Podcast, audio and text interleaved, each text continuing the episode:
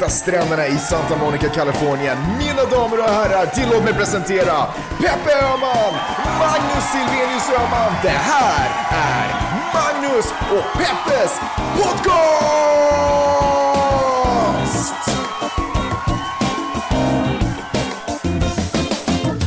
Hallå internet och hjärtligt välkomna till den här fantastiska podcasten som heter Magnus och Peppes podcast. Jag heter Magnus Silvenius Öhman. Och jag heter Peppe Öhman. Och vi är de här två typerna som har eh, studerat världen och dina vägnar. Försöker hjälpa dig att reda upp eh, begrepp, försöker ge dig argument i tuffa situationer och försöker, alltså då när du vet, när du står och diskuterar med någon så bara, ah, vad ska jag säga här nu? Jag vet, jag har ju instinktivt en känsla för svaret, men vad fan ska jag säga?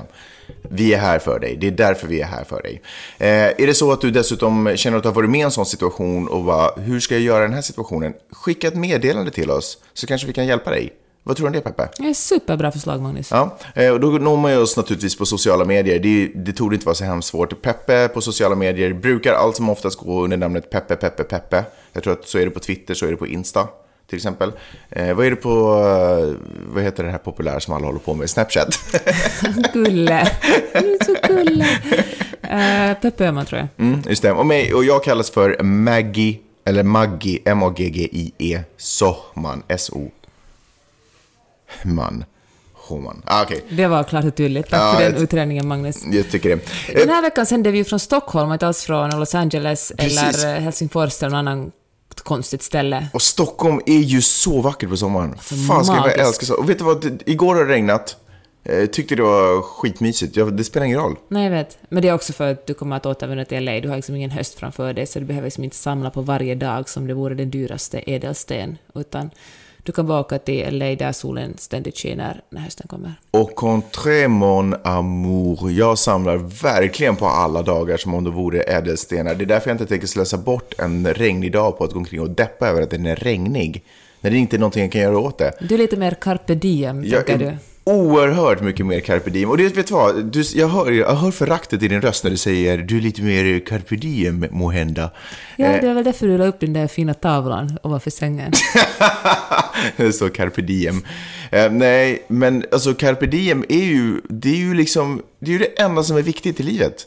Det är det enda som är viktigt i livet och det förstod till och med latinarna. Och därför så, eller de gamla romarna... Latinarna.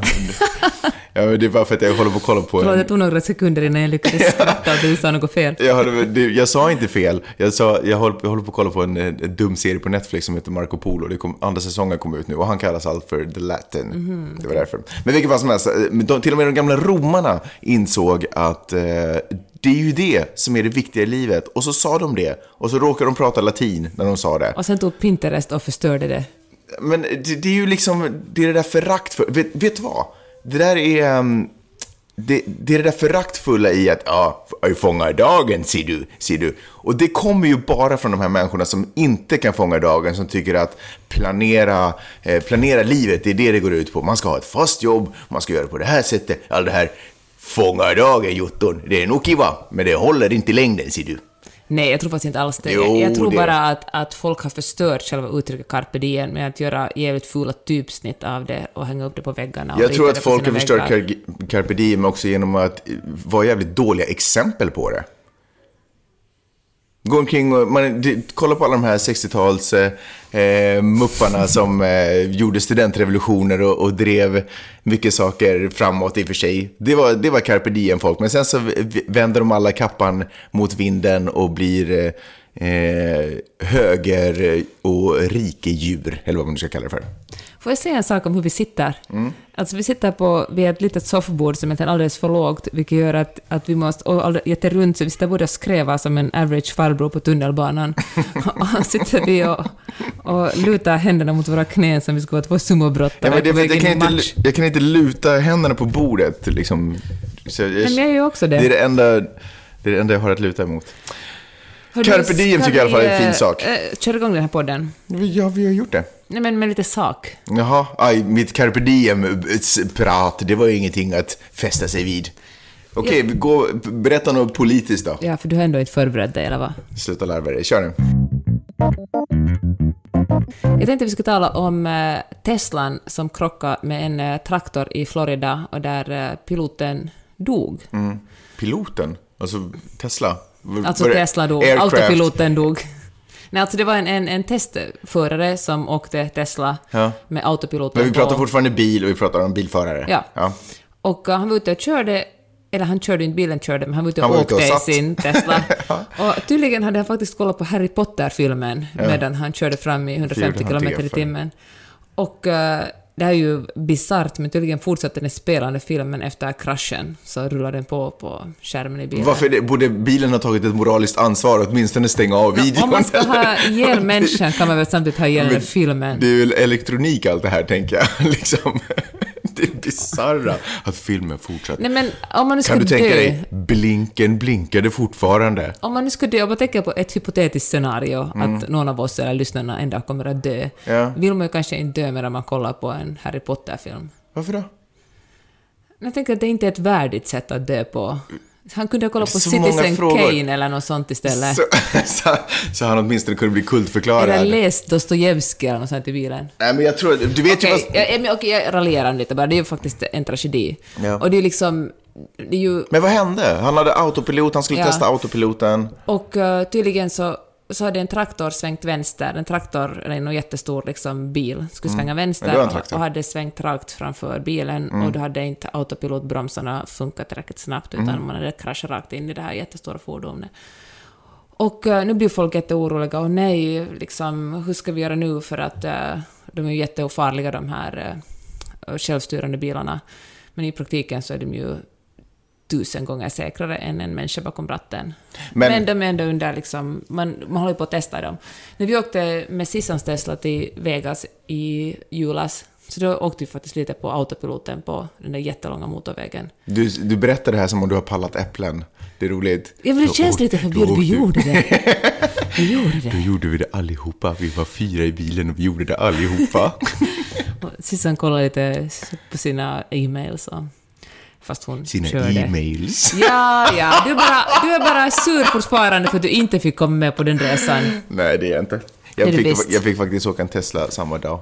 två kvarter. Mm.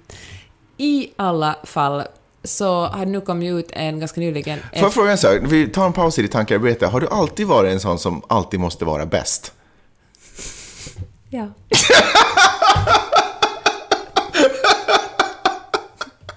Okej, berätta. Men jag har många andra bra, bättre sidor också. Jag liksom... Eller fan, det har jag kanske inte. Igår när vi frågade vidare om vad han har, vad han har lärt sig av oss, så sa han att, att han har lärt sig att vara rolig av dig, han har lärt sig läsa och räkna i skolan, och så frågade du men vad du lärt dig av Peppe? Han kom inte på en enda sak. Så han vände sig mot dig bara, Peppe, vad har jag lärt mig av dig? Jag är inte en helt värdelös människa. Jag är varken, jag är varken trevlig eller speciellt bra på att lära ut saker till the next generation. Ja, men trevlig kan du faktiskt vara, Peppe. Du ska inte vara så hård mot dig själv. Ja, ja. I alla Du är också fall... väldigt bjussig. I alla fall så ska jag berätta lite mer om den här undersökningen. Så man frågade folk, uh, hypotetiskt scenario, nu har vi de här självkörande bilarna som kommer att börja köra omkring på våra gator. Det här är inte bara Kalifor- Kalifornien, ut- Kalifornien utan det är också i Göteborg kommer Volvo att börja testa nästa Kan man? år. Ja, Aha, nästa år kommer Volvo börja testa självkörande bilar i Göteborg. Cool. Och eh, hur ska man då göra om eh, den här eh, bilen ställs inför ett moraliskt beslut? Ska den, eh, om vi säger så här att det är en, en skolklass på väg över gatan Mm. och du kommer i full fart i din självkörande Tesla och du kan antingen välja att köra in i en bergsväg, Teslan väljer att köra in i en bergsväg där du dör eller att köra rakt i den här skolklassen, hur skulle du då välja? Och då var de allra flesta som svarade på den här undersökningen sa... men, men, oh, vänta, pausa bandet. Nu, jag hänger inte med. Alltså, Teslan kan ju inte veta att det finns en skolbil... Alltså, en, en skolbil Ja, full med barn den registrerade. Den registrerar att det är barn i bilen framför. Nej, eh, de promenerar över gatan, de här Jaha, barnen. ja, ja, ja, okej. Det är ja. skolklass som kommer promenera, de åker inte sina egna Teslor över gatan. Men kan den, det kan alltså vara så här, oj, det här är barn, det här är inte ett gäng... Det här är eh, små människor. Okej, det här är en, ett gäng eh, småväxta personer, kanske den. Ja, vad ska, ska jag offra de småväxta personerna eller? Får jag tala till punkt nu? Mm, gärna. Eller ska jag offra föraren och, och passagerarna i Teslan, eller ska jag köra över människorna på väg över gatan? Mm. Och när man hade frågat testgruppen, hade, sa nästan alla att så här, vad heter det, vi föreslår, vi, vi tycker alla att man ska, man ska spara så många liv som möjligt. Mm. Så att om det, om det fler människor som dör om man kör över dem, så då tycker vi att Teslan ska köra in i, i bergsväggen. Men när det kommer till att köpa en bil, så då vill ingen köpa en bil som eventuellt kan välja att offra de som sitter i bilen. Nej. Folk vill ha en bil som förs- prioriterar deras säkerhet. Förstås tycker jag. Men varför det alltså... Ja, men Det är därför- ju totalt motsatt till, de, vad, till vad de säger först. Nej, men, men lyssna. Jag, alltså, jag tycker nog eh, att eh, en, om det finns en teknik i bilen som ska göra ett beslut så ju, måste ju bilens uppgift vara att skydda passagerarna i bilen. Aha, men enligt det här forskningsresultatet så tyckte de allra flesta människor att bilen ska skydda mest, flest människor. Jaha, men då har de i den här forskningsgruppen valt ut dåliga människor Tur att att svara de på frågar frågor. dig då. Nej, men jag tror att det, men kolla så här, jag tror så här, att om man ställs inför ett stort filosofiskt problem så tror jag att det är väldigt lätt att svara. Eh, vi, har en, vi har ju en bild av hur Star Wars är uppbyggt, det finns onda och det finns goda. Det är väldigt lätt att liksom börja svara Såklart. otroligt ädelt. Såklart. Att mest liv framför allt, du vet, något Ja. sånt. Helt klart. Största möjliga lycka för flest möjliga människor. Men det jag tycker är lite orättvist i den där äh, ekvationen när det kommer till bilen och människorna som går över gatan är att man bara sätter allt ansvar på bilen att rädda liv. Människorna på gatan har ju också ett ansvar och möjlighet att parera. Och då tycker jag att det är synd. Vadå, vad menar du? Eller varför ger du mig en konstig blick? Vadå människan? De är på väg över gatan. Det är, Ja. alltså, I det här fiktiva Ja, men en bil caset så, så är de på väg över gatan Jo, jag förstår. Men också på Man har väg... inte frågat dem, vad väljer ni att offra er själva genom att gå över den här gatan, eller Nej. väljer ni att spara liksom, era liv genom att inte gå över gatan? Eh, nej, men återigen så är det ju så, har, så du vet när folk står, står på gatan och det kommer bil Ja. swishande så har ju de också möjlighet att, de kommer inte stå kvar som marionettfigurer liksom. Men alltså i det här fallet, men nu, så kan vi ju, i det här fallet, det här hypotetiska fallet som man frågar de här människorna, var de redan på väg över gatan? Mm. Sen kan man bara säga att ja, ja, men om, men om en av dem hade en raket eh, på, sitt, på Nej, sin rygg och de det- trycker på en knapp och åker iväg istället för att bli den växeln drog jag inte, den växeln drog jag inte. Jag tycker i alla fall, jag tänker nog i alla fall att bilens uppgift måste ju vara att skydda passagerarna i bilen. Okej. Det är ju inte en fristående maskin som ska gå runt på gator och skapa godhet runt omkring i samhället. Okej. Utan det är ju en maskin som har i uppgift att transportera föraren och dess passagerare till, från punkt A till punkt B så tryggt som möjligt. Ja, men det tyckte du annorlunda än de som svarade tycker på du den då? frågan. Alltså jag vet inte, jag tycker det är superintressant. Jag tycker det också finns en skillnad på det att sitta en ensam passagerare i bilen som kör, eller sitter till exempel barn i bilen. Sitter liksom oskyldiga passagerare i bilen. Nej, fast nu har vi kommer bilen som klump och så har vi bilen som, och, och passagerare och folk på gatan. Alltså nej, nej, det finns människor i bilen. Ja. Det är inte bara bilen liksom. Om det bara är bilen som är ute och kör för sig själv, då kan ni inte köra in i Men väggen. ah, du håller bara på att skoja bort det här nej, nej, nu. vad hur menar Jag förstår på riktigt inte hur du menar. Alltså det är väl, det, är det inte irrelevant hur många som sitter i bilen? Det är ju, tvärtom är det ju superrelevant. För att om de flesta människor som svarar i den här forsk- forskningsundersökningen på att de tycker att man, ska, att man ska rädda flest människor, och sitter det fem personer i bilen och det är fyra personer på höger över gatan, då väljer bilen att, att rädda de som sitter i bilen. Men är, det, är antalet det motsatta väljer bilen att, eh, att köra in Men- i bergsväggen. men- men kan- men då tycker jag det finns en, Men det en, är så en otroligt diskussion förenkling. Det, det är så otrolig förenkling. Det är ju helt absurt att en bil ska sitta... Det kan vi inte komma ner till nummer. Tänk om den som... Tänk om de som går över gatan, det är professorer som precis ska lösa världsfred eller, eller eh, hi, cancer eller, eller någonting annat. Och så råkar de bara vara i färre antal Ja. och därför ska de eh, ryka. Det är ju helt någon absurt. måste ju programmera de här bilarna och då är frågan den, hur ska man programmera bilarna? Ska man programmera bilarna att rädda flest människor eller alltid rädda de sitter i bilen? Eller ska det finnas, ska, vi, ska det stiftas, ska det vara som en, en, någonting som tekniker och, eller till och med lagstiftning ska bestämma, eller är det sånt som människan som själv sitter i bilen ska bestämma? Ja, nej, men så, därför ska ingen bestämma det. Därför, ska man, därför är det så att bilens uppgift har en uppgift, transportera folk från punkt A till punkt B. Boom, klart. De som går över gatan, de har en uppgift att se till att de inte blir påkörda medan de går över gatan. Så tar alla ansvar för sin egen grej. Men och sen om har du varit med om den här diskussionen Och sen om- de senaste tio minuterna? och sen om olyckan är framme, då är olyckan framme. Och då tycker jag att när det där hypotetiska... här bilen har ett val, vem den ska... Vadå, Ja, men jag sa ju det. framme? Jag, jag sa ja, det tycker jag. och, Ja, då har bilen som... Bilen ska fatta beslutet att skydda de egna passagerarna, oavsett hur många de är. Okej, Tycker så jag. tycker du. Ja. Men nu vet vi din åsikt. Men du tycker inte så? Nej, jag tycker jag kanske faller mot det mer filosofiska som de här, eh, som vi tala om i början, att bilen ska rädda så många som räddas kan. Mm. Okej, ponera då att den som, spring, den som är på gatan har en väska i. Eh, satan. Nej, är ensam. Är ensam. Den, den, på, den på gatan är ensam och så sitter det fyra, fem eh, personer i bilen, Mm. varav kanske en eller två är barn eller något liknande. Och den på gatan eh, har en väska full med eh, ett vaccin eller något Men det är älskling helt irrelevant. Nej, det är inte irrelevant. För det, det handlar kan inte... man inte programmera in i den bilen. Nej, det kan man inte. Men det- är det inte en ganska orättvis inprogrammering att en, att där det är mindre och färre, att man bara går på det? Det finns ju så många andra variabler som är viktiga. jag, nej, jag tycker tvärtom att det är en helt rationell bedömning. Jag tycker att den är irrelevant därför att ta- grundtanken med varför vi offrar färre mot fler är ju för att fler människor ska få leva. Men det är ju sett på väldigt kort sikt. Inte sant? Men hör du, du kan ju inte... Jag menar, nu, tänk på sannolikhetslära nu. Hur ofta är det som män med vaccin i portföljer egentligen går över gatan? Som ska rädda hela mänskligheten. Nå, Hur ofta är det som en traktor glider ut på vägen helt plötsligt bara svänger vänster från ingenstans? Nå, oftare än den All där of a sudden vaccinmannen. händer det. Plötsligt händer det.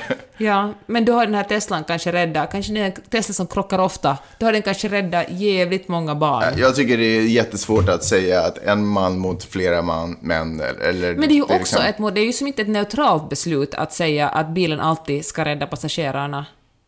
Det är ju också en värdering i det. Mm. Det är ju den samma egoistiska värdering som alla som ska köpa en bil tar. Så jag vill bara köpa den här bilen om den räddar mig. För du tycker inte att man, man borde alltså om det var några som skulle arkebus- arkebusera så ska man då alltså inte ta Hitler därför att det är ju bara en person. Man ska försöka rädda så många som möjligt. Men eh, drar du på riktigt Hitlerkorten nu i den här Jag diskussionen? tycker man ska försöka få in det Hitlerkortet i så många diskussioner som möjligt. Det är alltid relevant. Men det där är ju just sådär västerländskt eh, egoistiskt tänkande. Västerländskt Hur- ja, egoistiskt? Finns det inga, att- finns det inga jag- egoistiska österlänningar? Jag bryr mig, jag bryr mig så länge det Ja, alla asiater, man vet, att de är så, liv. man vet att de är så chi med alltihopa, så de skulle aldrig göra något sånt här Jag egoistiskt. tycker att alla barn ska ha det jättebra så länge jag inte på något sätt behöver pruta på min egen bekvämlighet. Det handlar ju inte om att pruta på sin egen bekvämlighet. Tror du att det skulle vara roligt att sitta i en bil som mejar ner massa människor? Nej, men då har man ändå valt att när barnen ska dö för att jag ska få leva. Ja, men jag vill åtminstone säkerställa att de som är med mig i bilen överlever. Det är väl alldeles kanske du är självklart. ensam i bilen. Oftast, vi ser det vi bor i LA, är nästan alla ensamma i bilen hela tiden. Ja, fair enough. Då föreslår jag en annan sak. Då Att föreslår... vi talar om någonting annat. Nej, nej, nej, nej. För det där är nog, men det där tycker jag att det, det är ju liksom två olika eh, problem någonstans. För när det kommer till om det är fler i bilen. Jag tycker så här, om det handlar om folk utanför bilen eller folk innanför bilen, folk innanför bilen ska räddas. Det tycker jag bilens prioritet ska vara. Annars kommer den ju, annars vet, vågar jag ju inte köra den där bilen. Det kan ju när som helst kasta mig ut för ett stup för en situation jag inte såg. Liksom. Och det vill jag inte vara med om. Alltså, risken är större att en annan passagerare ska, en annan människa ska meja ut det för ett stup än att din Tesla ska kastas ut för ett Ja, stup. hur ska jag kunna vara säker på det? Anywhos, men när det kommer till vem som ska offras, är det föraren i bilen eller passagerarna i bilen? För det ställningstagandet måste väl också göras, antar jag, när man bygger en bil. Ja, fast det är en helt annan diskussion. Ja, men då tycker jag kanske att eh, då, då borde det finnas en switch i taket. För att jag vill ju inte sitta med en galen förare och känna att den här människan är helt safe, för bilen är programmerad att skydda honom om vi krockar.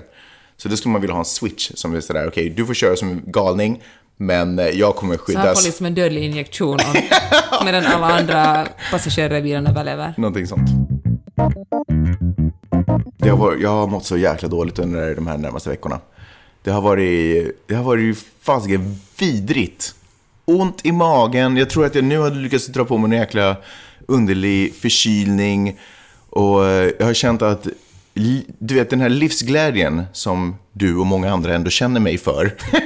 den har bara sipprat ut som mörk sörja i mina skor ungefär. Och eh, du är ju säkert väldigt nyfiken på vad detta beror på. Snälla Magnus, berätta. Mm. Det här beror på att jag har haft ett nytt jobb. Och det här är inte ens ett så här, jag går inte ens in i en fast anställning, jag har inte ens ambitioner om att gå in i fast anställning. Men bara pressen på att försöka sköta mitt nya jobb har varit alltså, fruktansvärd. Får jag säga en sak till? Så värt det. Det är fasiken, det, det är grymt alltså. Det är... Men känner du att du är ute på den andra sidan nu? Eh, Jag känner att eh, jag ser ljuset och jag tror att jag är ute på andra sidan. Men precis som eh, Corleone, Corleone sa i Gudfadern 2. Just when I thought I was out, they pull me back in. Förlåt för puffen. Ehm, jag vet ju inte om jag är ute på andra sidan. Det visar sig, jag tror att jag är ute på andra sidan när det här kontraktet är avslutat. jag tror om jag ska vara helt ärlig. Men känns det lite roligare nu ändå? Det känns mycket, mycket roligare. Det känns som jag har mer koll. Nej, men okej, så vad det hela Det är handlar så jobbigt när du kommer hem och grät på, på eftermiddagarna. Men vad det hela handlar om är den här eh, förändringen som, eller ehm, kroppens försök att anpassa sig till en ny situation. Eh, alltså jag, jag är redaktör på Nyhetsmorgon och när det kommer till innehåll och att skapa innehåll så känner jag att det har jag gjort ganska länge. Så det, det, det borde inte vara svårt för mig och jag upplever inte att det nödvändigtvis heller har varit svårt för mig. Men det är så mycket annat när man ska börja på ny, en ny arbetsplats. Vilka människor finns där? Hur kommunicerar man med dem? Vilka olika typer... Ja, arbetskulturen. Ja, men liksom. ar- arbetskultur också. Vilka kan man prata om med vad? Och, Hur sträng ska man vara som chef? och hur kan, vilka kan man skoja med och det kommer ändå gå bra? Och hur fungerar kopieringsmaskinen? Var är toaletterna? Vem förstår ironi? Vem förstår ironi? Varför fungerar inte min telefon? Varför får jag inte det här med? Vet, massa sådana här saker som bara tar så otroligt lång tid och som hela tiden försämrar min förmåga att göra det som jag egentligen har skills för och som jag egentligen någonstans i slutändan är anställd att göra. Alltså, du vet, att skapa innehåll.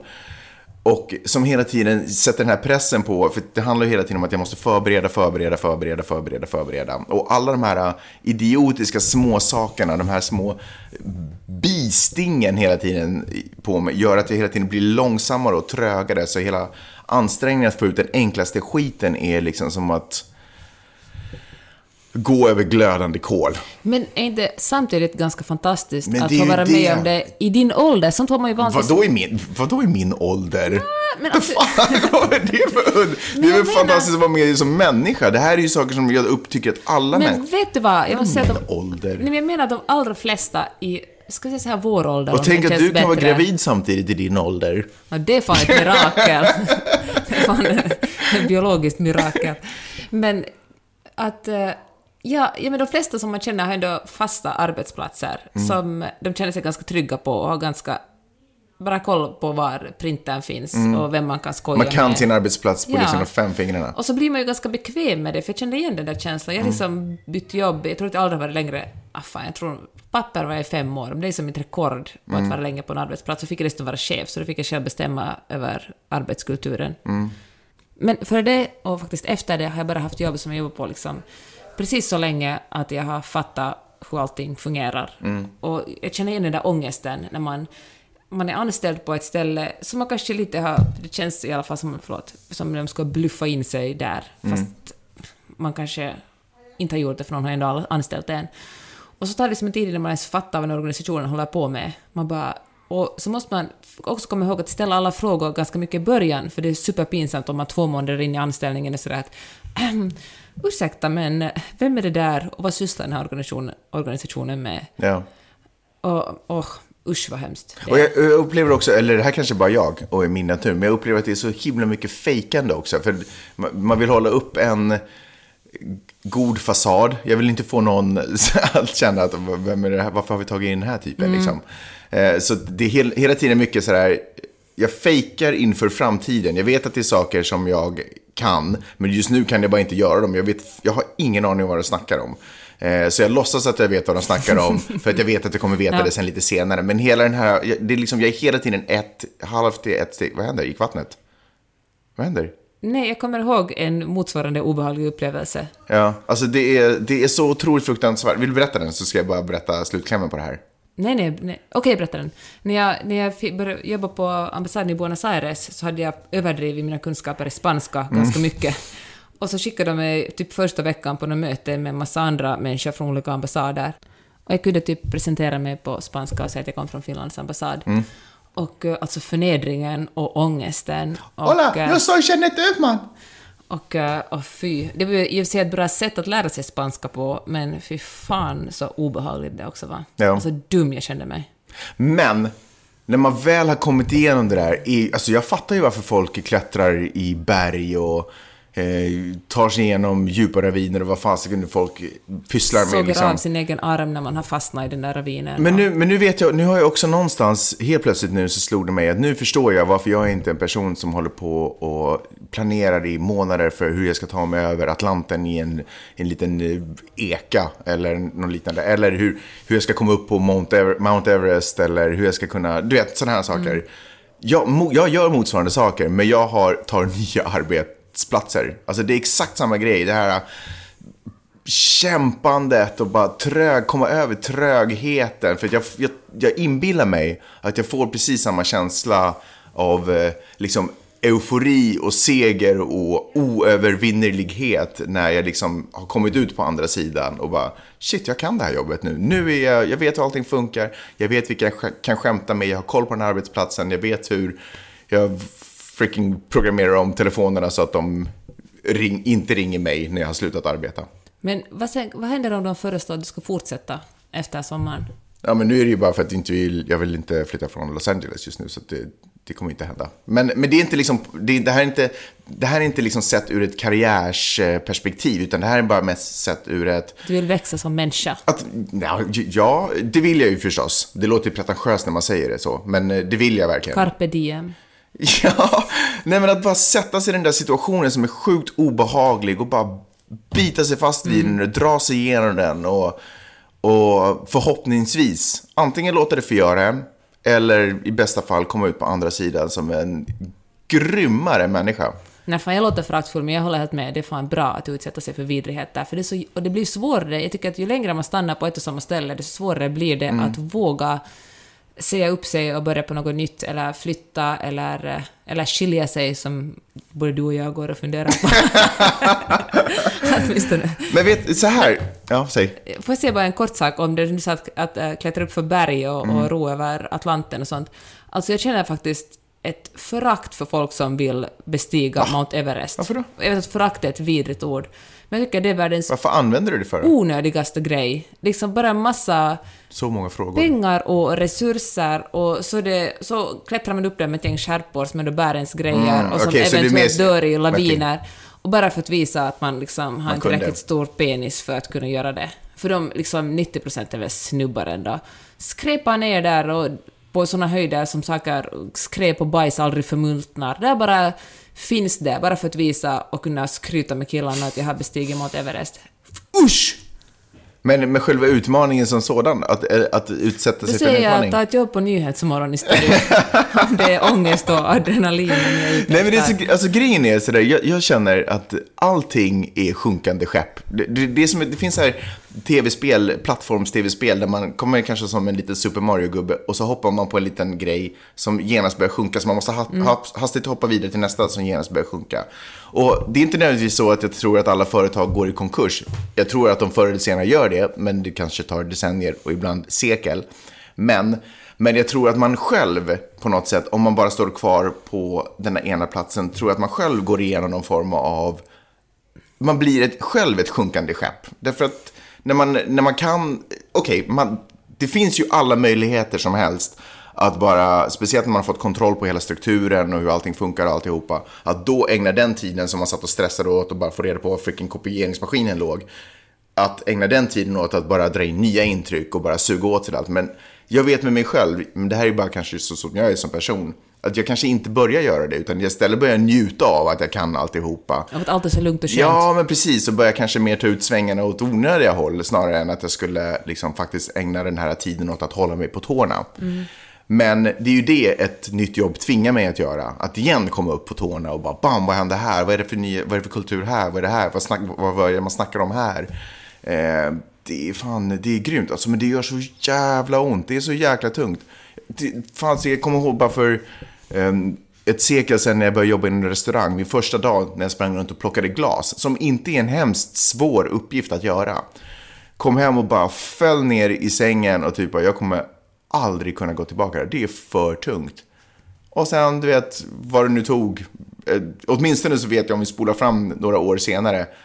Du vet, allt sen var ju, hade en helt annan position på, på restaurangen och allting var liksom Det här känns som ett tal du kommer att hålla för Widder när han är på sitt första sommarjobb. Men det är fan grymt. Det är grymt. Man ska kasta sig i elden. Alltså, det, är, det är magiskt. Det, det, Kan inte citera Brad Pitt i World War Z?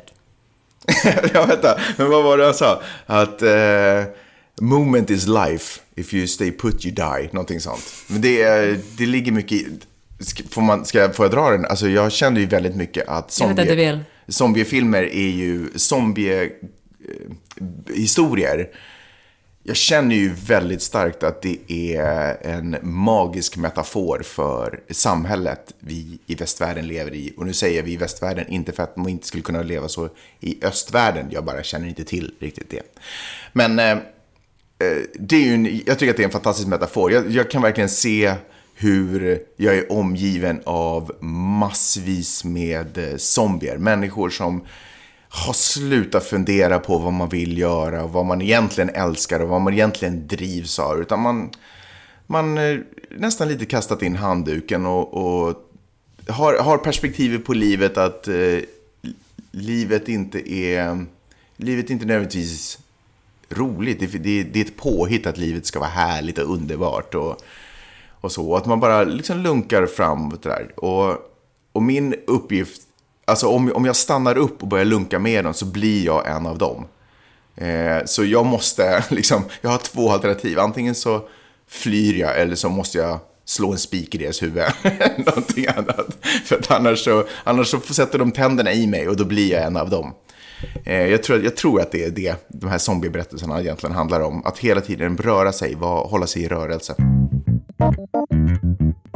Vi brukar ju ofta vara ganska kritiska mot både YLE och Hufvudstadsbladet. Mm. Men jag tänkte rikta en känga mot uh, DN idag. Mm.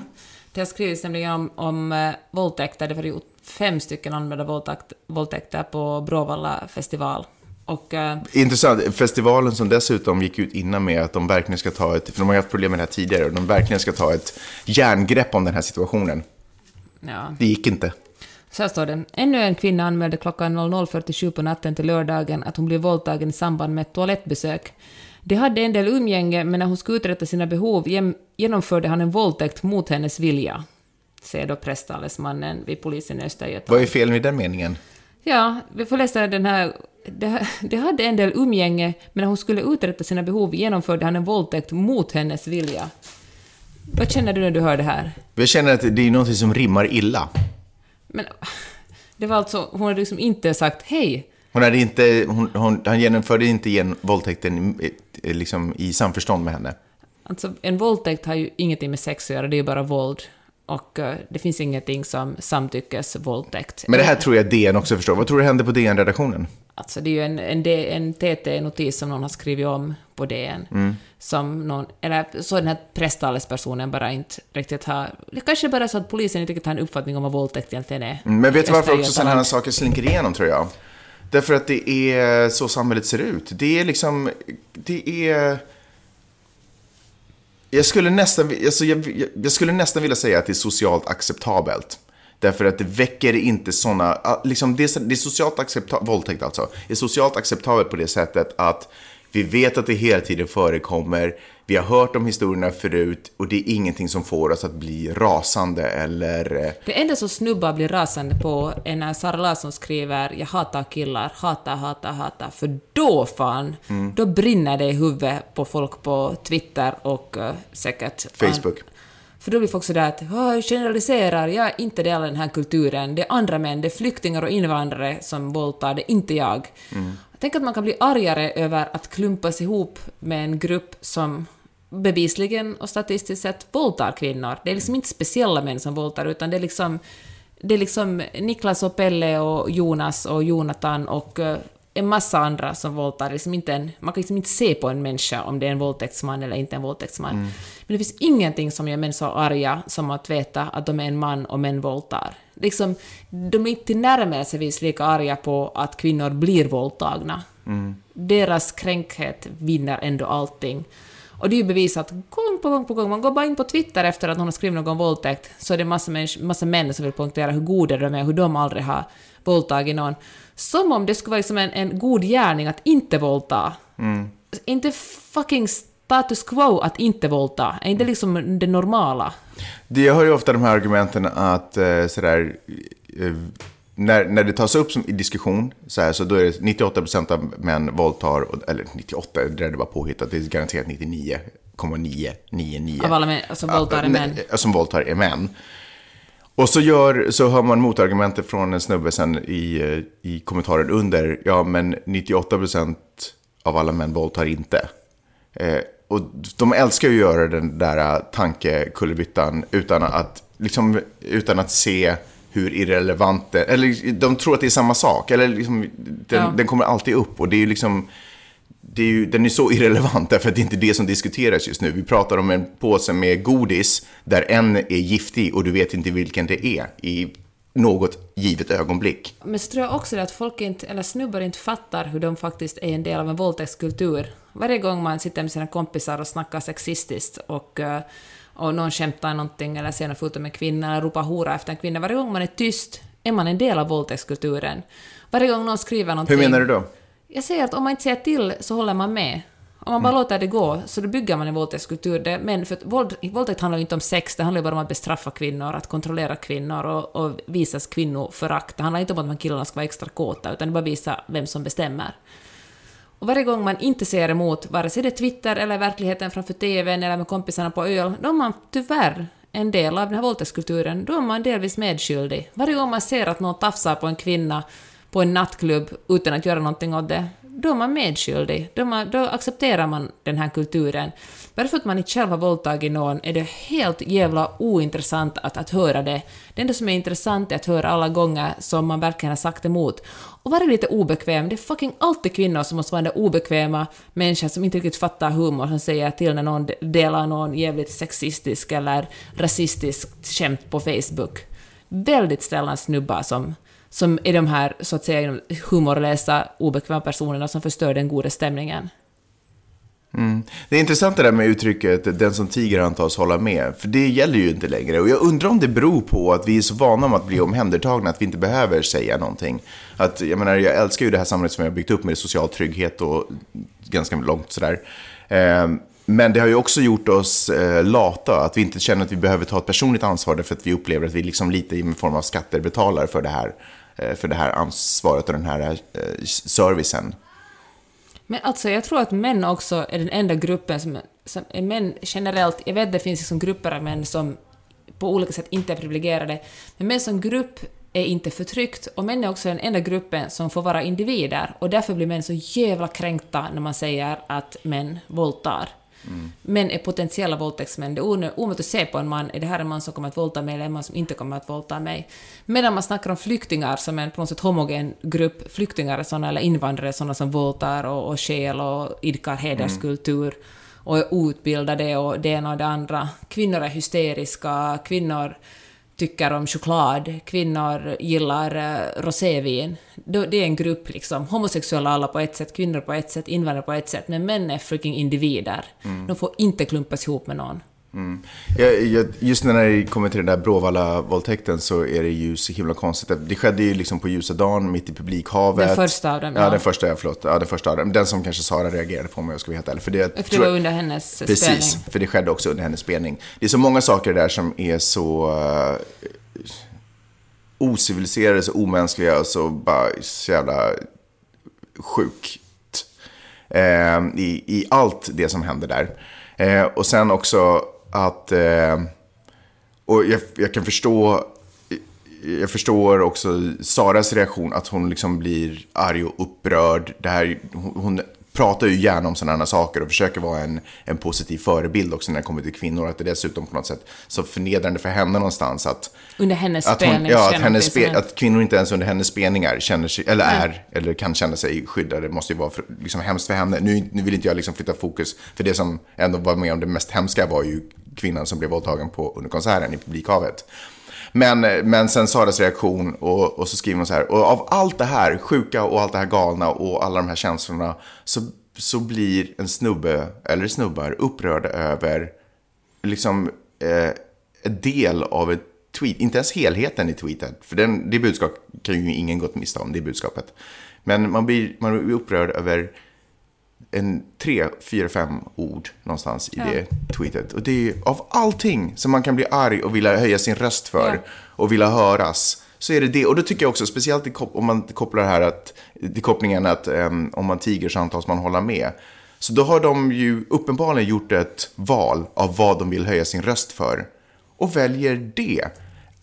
Även fast man tycker att det var fel. Så av allt det som hände så valde man att stå upp för den saken. Det tycker jag är liksom... Att hon skrev att, Att hon skrev det, av allting Ja. som hände under den, under den grejen, av allt det handlar om och alltihopa, så, så väljer man att stå upp mot de orden som inte ens var helheten i tweeten, som bara var ett, ett eller bara, jag behöver inte bortförklara eller förklara vad hon kanske menade, men oavsett, även fast hon menade det, så väljer de att det är just det som är det viktiga som vi ska stå upp nu. Där går gränsen, det här ska vi ta.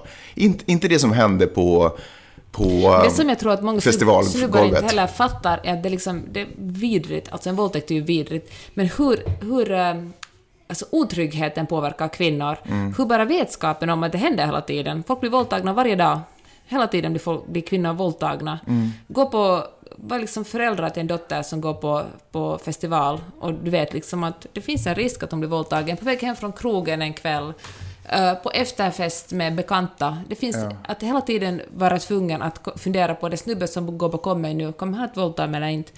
Det här one night standet, om jag säger nej, kommer han att Kommer han att acceptera det nej eller kommer han att våldta mig? Att hela tiden måste ha den beräkningen i, i bakhuvudet. Är det här en trygg situation eller är det här en farlig situation? Men vet du vad, alltså det, det här... Det här Så- vilken, Det, påverkar, det påverkar oss alla. vilken, eh, vilken osäkerhet som finns där ute bland... Alltså får, undrar om inte det här hänger ihop med att vi inte... Jag tror överhuvudtaget att det hänger ihop med att vi är väldigt dåliga på att kommunicera med varandra, att män inte lär sig kommunicera helt enkelt. Men det här tror jag också resulterar i att folk inte kan ta kritik. Folk tar alltid kritik som... Eller, Alltså män. jag tror i och för sig ganska mycket människor överhuvudtaget i det här landet, eh, i de här länderna. Men i det här fallet så får vi konsekvenserna av män, att man inte kan ta kritik. Man, man förstår inte att, att när någon uttalar någonting kritiskt så är det också lite i det är hopp och i tro att andra människor ska ta till sig och kunna utvecklas ifrån det. Och jag tycker också att det borde vara ett individuellt ansvar, att man vill ta ansvar för sig, sig själv som människa. Lyssna till kritik och se vad jag kan studsa ifrån hur jag kan studsa ifrån den kritiken och bli en bättre större människa.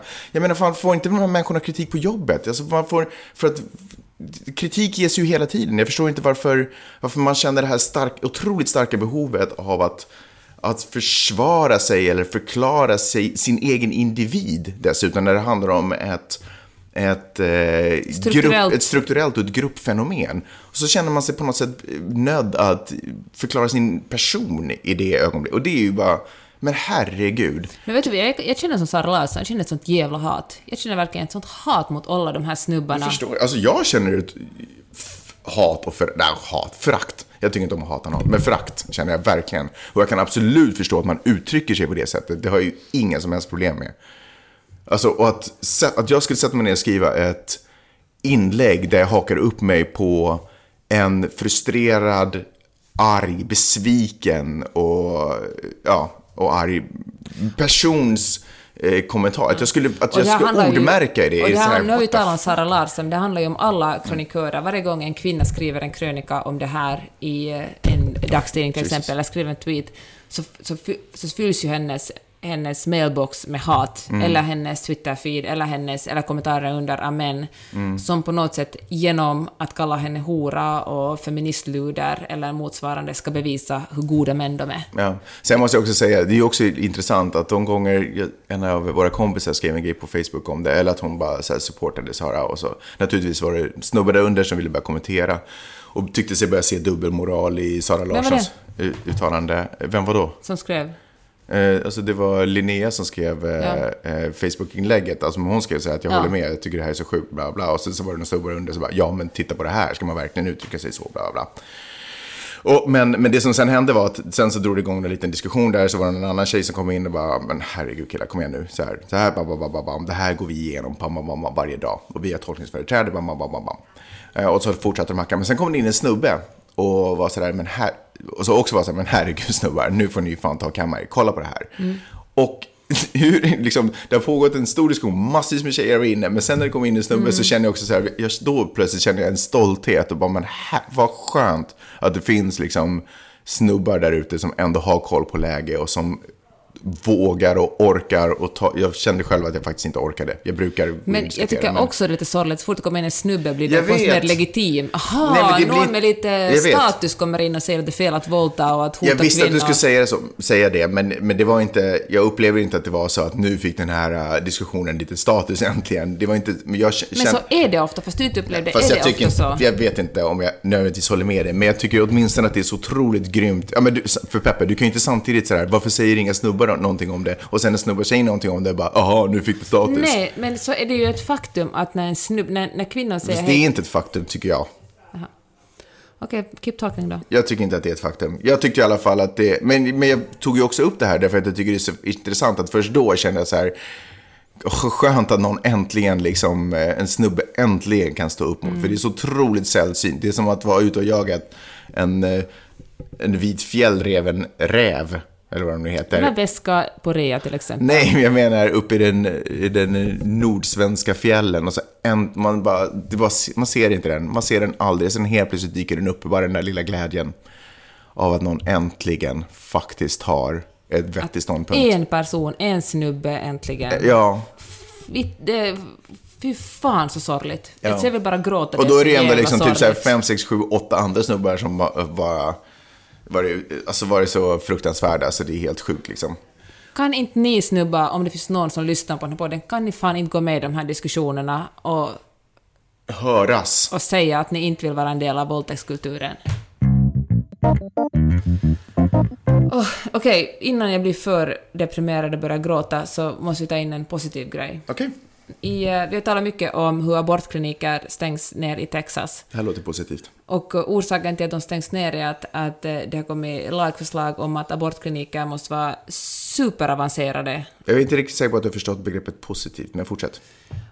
Till exempel att de måste ha gångar som är så breda att, att två stycken så här patientsängar kan mötas där och liksom en massa andra high-tech-grejer. Och det har gjort att många av de här klinikerna har helt enkelt inte råd att liksom bygga ut, slå ut väggar och sånt, så de har därför måste stänga ner.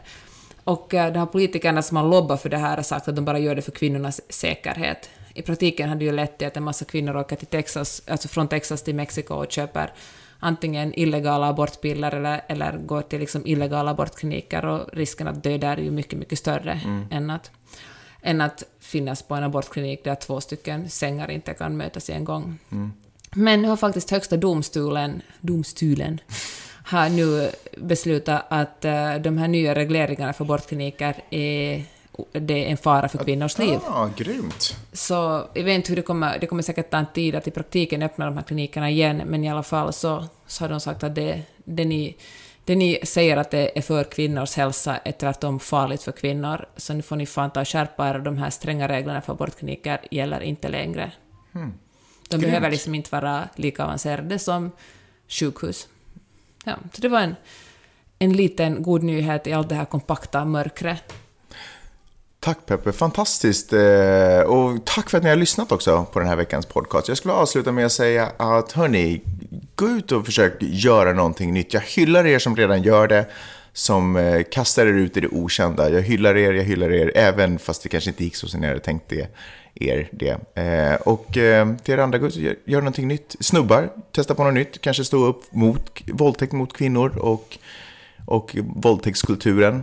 Kanske eh, det skulle kunna vara en grej. Kanske gör lite ont i början, men ni kommer känna er mycket starkare sen efter. Ha det bra, puss och kram, hejdå! Puss och kram, hej!